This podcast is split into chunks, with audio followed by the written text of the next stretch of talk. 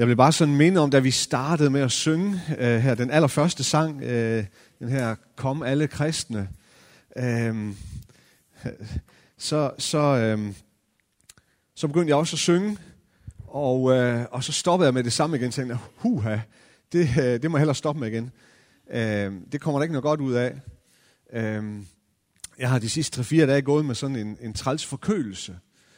Og øh, kender I det her med, når man bare bliver mere og mere forkølet, og det er som om det hele, det, det, det sidder bare inde i hovedet.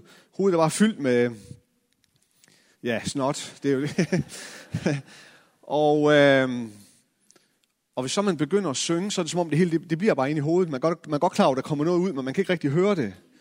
Og øh, så tænkte jeg, det, øh, det er ikke, øh, jeg må hellere stoppe igen, fordi hvad er det, der kommer ud? Øh, det, kan være, det kan være meget værre end normalt, øh, når jeg synger. Så jeg stoppede med at synge, men så, så tænkte jeg, nej, jeg vil simpelthen lovsynge. Jeg vil, jeg vil tilbede. Og så tænkte jeg, så må dem omkring mig jo, Flemming og øh, Astrid, og hvad der var tæt på, så må de lide. øhm, og så kom jeg bare til at tænke på, at sådan kan vi måske nogle gange have det i vores liv, at, øhm, at det her med at, at, at det her med at lægge vores liv i Guds hænder, det her med at komme til Jesus præcis som vi er, at det kan vi have det svært med. Øh, fordi man tænker, jamen, jamen der er så meget i mit liv, som jeg egentlig helst vil skjule. Hvad hvis det kommer ud? Hvad hvis nogen ser det? Hvad hvis nogen egentlig virkelig ser, hvem jeg er, og hvordan jeg er?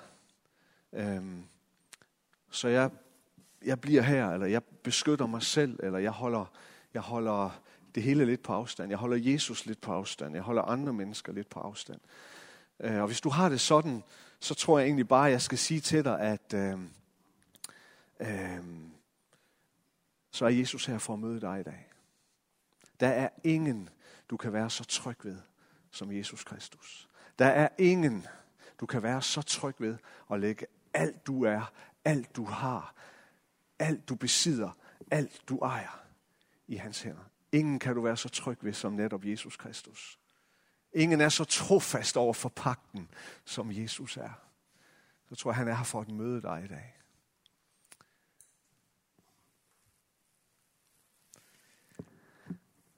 Vi øh, afslutter vores lille adventsserie, Kom i dit rige, med at se på den kendskærning, at kongen kommer.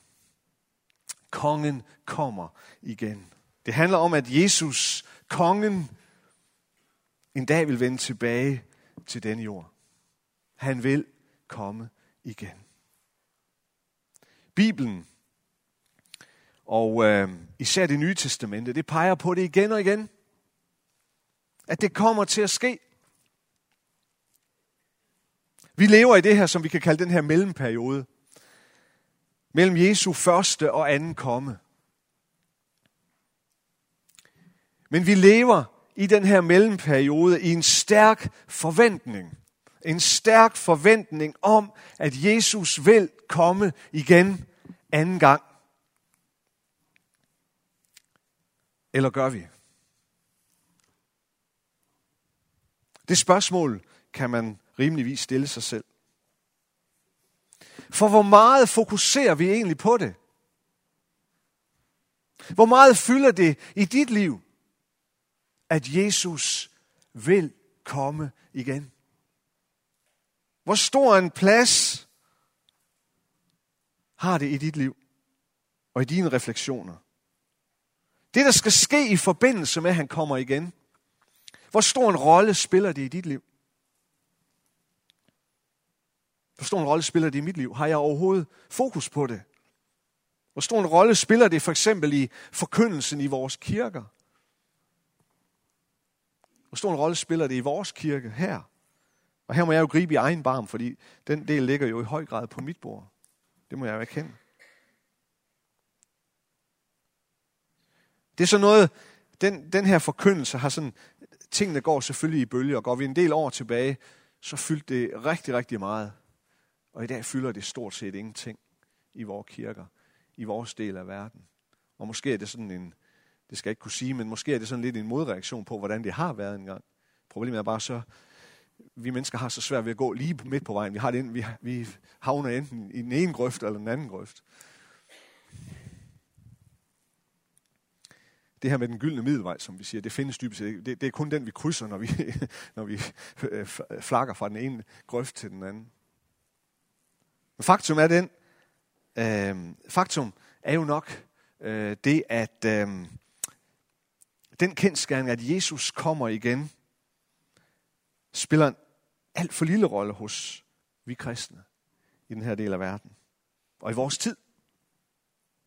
Og derfor så har det sikkert også så lille plads i undervisningen og forkyndelsen. Men hvorfor det? Måske fordi, at, øh, at vi har det så godt. Vi har det jo så godt her hos os. Vi har det så godt her og nu. Så hvorfor længes efter, at kongen kommer igen? Jeg er langt mere optaget af her og nu.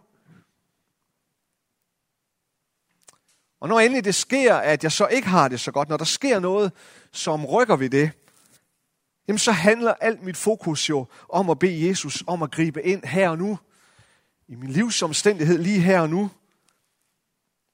At han må gribe ind i den her tilværelse. Jesus, helbred mig. Jesus, red mig. Jesus, hjælp min økonomi. Hjælp mig til min eksamen. Hjælp mig til et bedre job. Og så videre. Jesu komme kan komme til at virke enormt fjernt.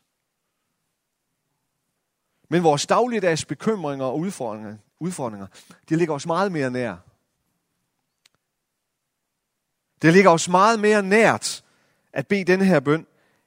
Herre, hjælp mig, for jeg har det svært med det eller det lige nu.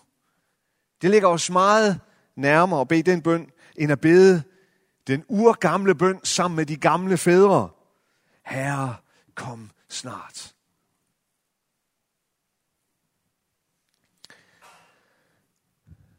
Som kristne, så taler vi rigtig meget om kærlighed. Når vi skal definere Gud og hvem Gud er, så taler vi om kærlighed. Så siger vi, at Gud er kærlighed. Og det er jo også rigtigt. Det er han. Men rent faktisk, så er det sådan, at Bibelen taler mere om Guds retfærdighed, end om Guds kærlighed.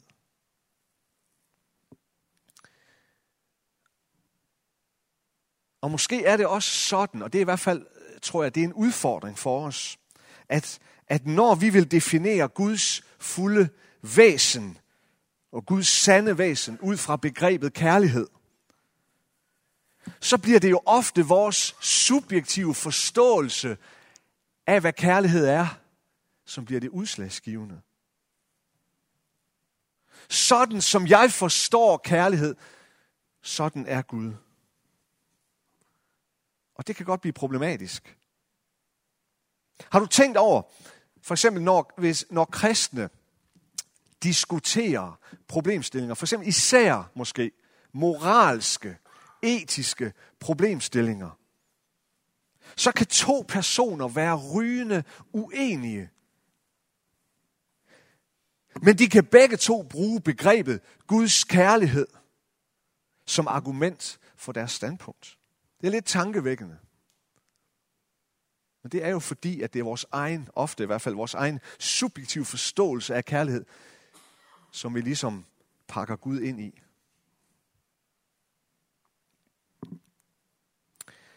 Så jeg tror, når Gud handler med os mennesker, når Gud agerer i vi menneskers liv, så er det både med udgangspunkt i hans kærlighed og i hans retfærdighed.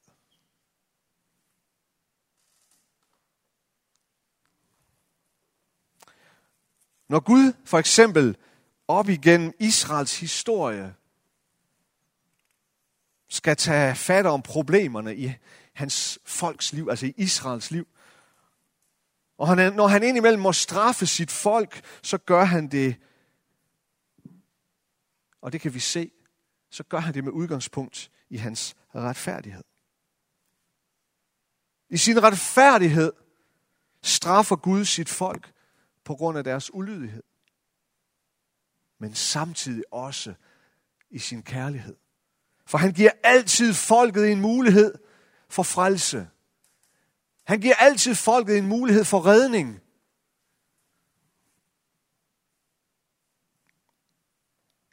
Jeg har taget bare et enkelt eksempel her fra 2. Krønikebog, kapitel 7, og vers 13 og 14. Der siger Gud allerførst i vers 13. Hvis jeg lukker himlen, så der ikke kommer regn, hvis jeg befaler græshopper at æde landet, eller hvis jeg sender pest over mit folk. Her taler Gud om muligheden for en, for en straf over, over sit ulydige folk, som har vandret væk fra Gud, som ikke vil følge pakten, som vil vandre deres egne veje. Og den straf kommer ud af Guds retfærdighed. Og Gud beskriver, hvad det, hvad det er, der kommer til at ske. At Gud holder regnen tilbage med den katastrofe, det kan indebære. Det er så ikke en straf, der hviler over vores land lige i de her tider. Men så, så har vi sikkert problemer med noget andet. At græshopper kommer og æder alt korn og alle afgrøder, siger Gud. Eller at folket rammes af pest, af sygdom.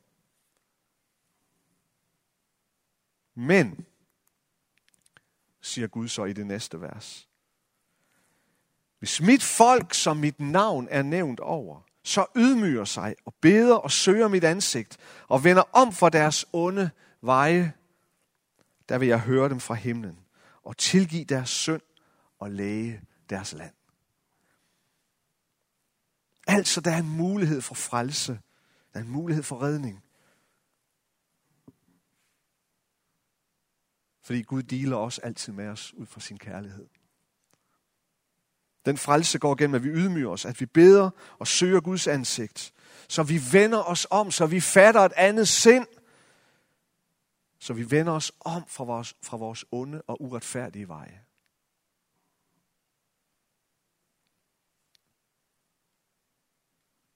Og sådan har Gud sendt en for at frelse os. Johannes beskriver det sådan her i sit evangelium. For således elskede Gud verden, at han gav sin enborne søn, for at enhver, som tror på ham, ikke skal, have fortab, ikke skal fortabes, men have evigt liv. For Gud sendte ikke sin søn til verden for at dømme verden, men for at verden skal frelses ved ham. På korset, som vi sang om her lige for lidt siden, der demonstrerede Gud sin store kærlighed. Ved at lade Jesus tage den straf, som burde have ramt os. Det er afgjort et kæmpestort billede på Guds kærlighed. Men måske glemmer vi nogle gange, at Jesus kommer igen. At kongen kommer igen. Og når han kommer igen, så kommer han i retfærdighed. Så kommer han med retfærdighed. Så kommer han for at genoprette alt. Og ikke mindst retfærdigheden. Der kommer en dag, hvor Gud vil gøre op med al uretfærdighed.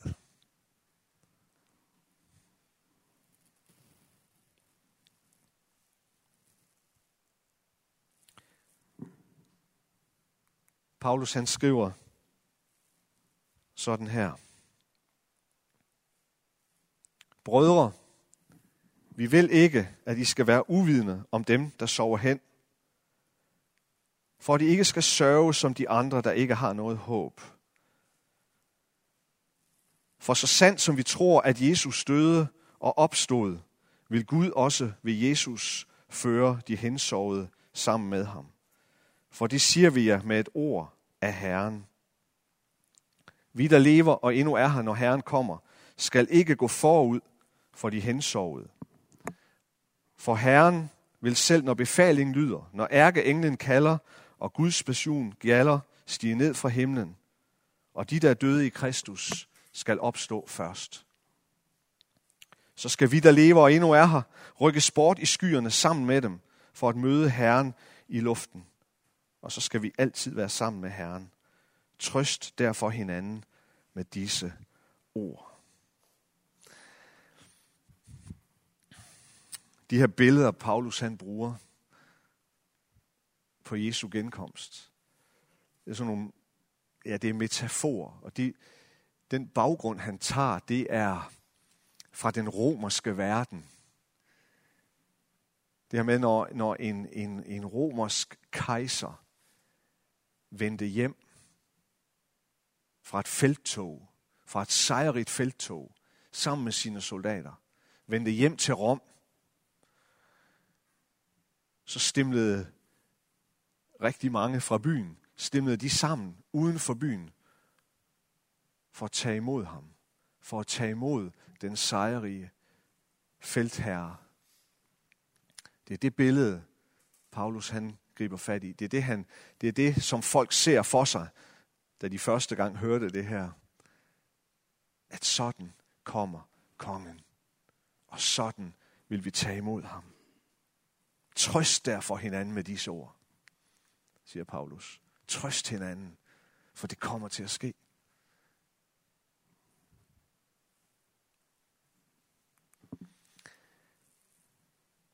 Vi lever i en tid, hvor der er et enormt stort fokus på, hvad vi skal gøre for at gøre denne jord til et bedre sted at leve på. For os alle sammen.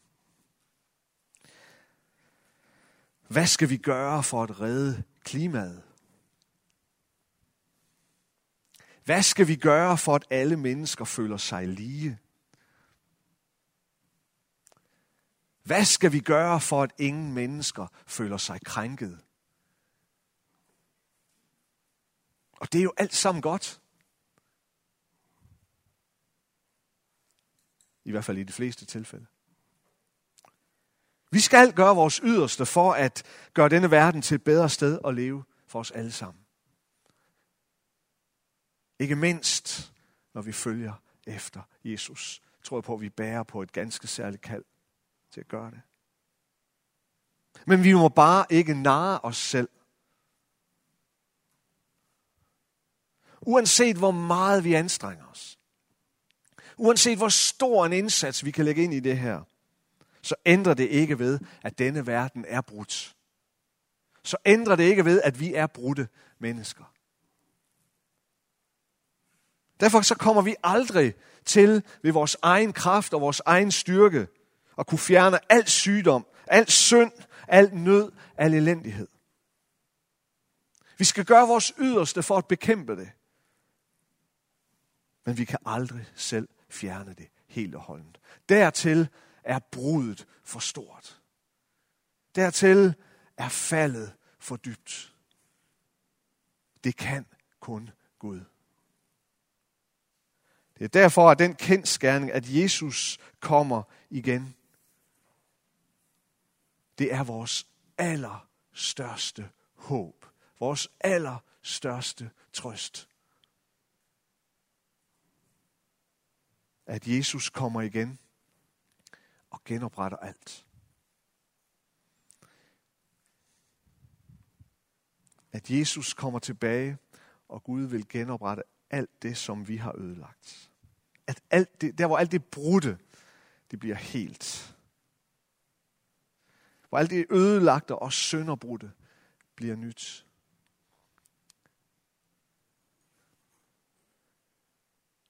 Johannes skriver det i, i, øh, i den aller sidste bog i Bibelen, de her syner, han får, hvor han får lov til at se døren lidt på klem for det, der kommer til at ske. Han beskriver det som en ny by, der kommer ned. Det nye Jerusalem, kaldes det. Han gør alting nyt.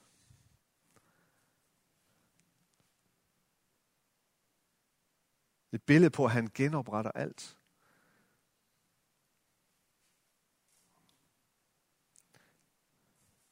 Det startede i en have. Og det gik så grueligt galt for os. Men Gud var på ingen måde sat skakmat. Tværtimod iværksatte han sin store frelsesplan. Og det slutter i en by. Det nye Jerusalem.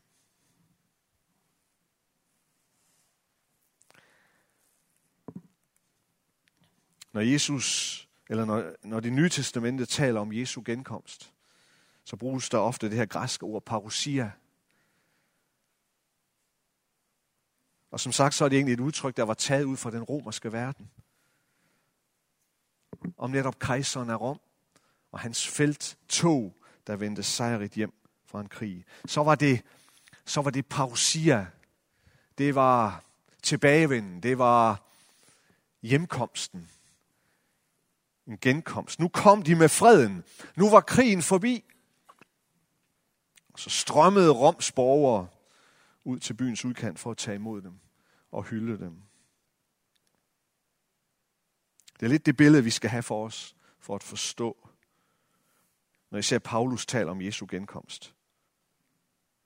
Vi skal som kirke og som kristne spille en stor og aktiv rolle i denne brudte verden. Det opfordrer skriften os også hele tiden til.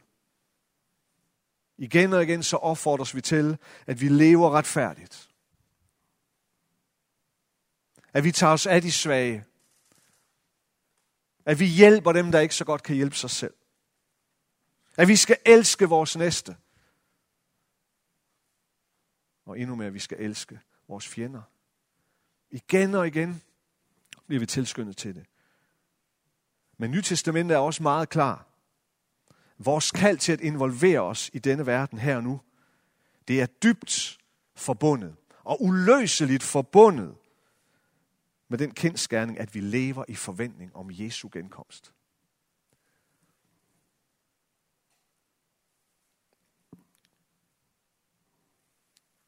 Peter skriver på den her måde.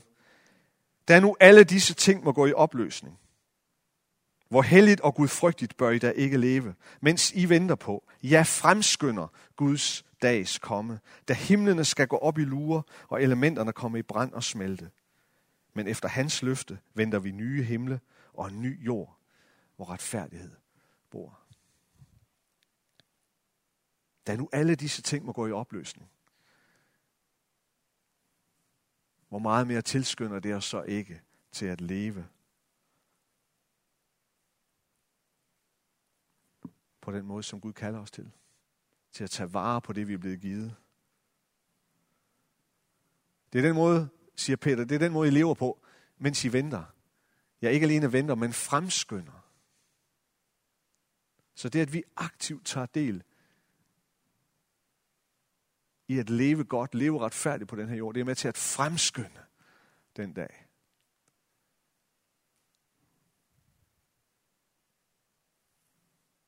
Så alt vi gør for at gøre den her verden til et bedre sted, her og nu, i dag og i morgen, det gør vi, fordi vi lever i forventningen. Og fordi vi lever og har det levende håb om, at Jesus kommer igen og genopretter alt.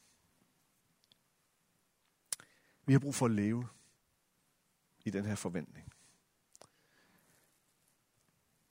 Vi har brug for at bede Gud om at give os den her forventning.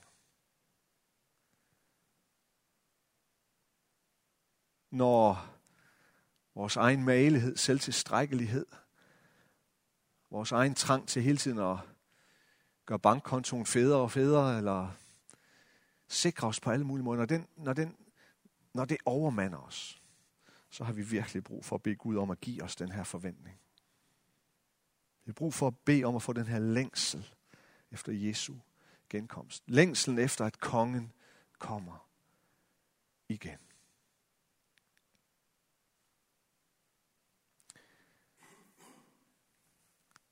Jeg vil gerne bede lovsangeren om at, at komme herop. Og øh, lad os bare lad os bare lige sidde stille nogle øjeblikke. Du kan lukke øjnene, eller du kan have åbne øjne, det bestemmer du helt selv. Hvordan du reflekterer bedst.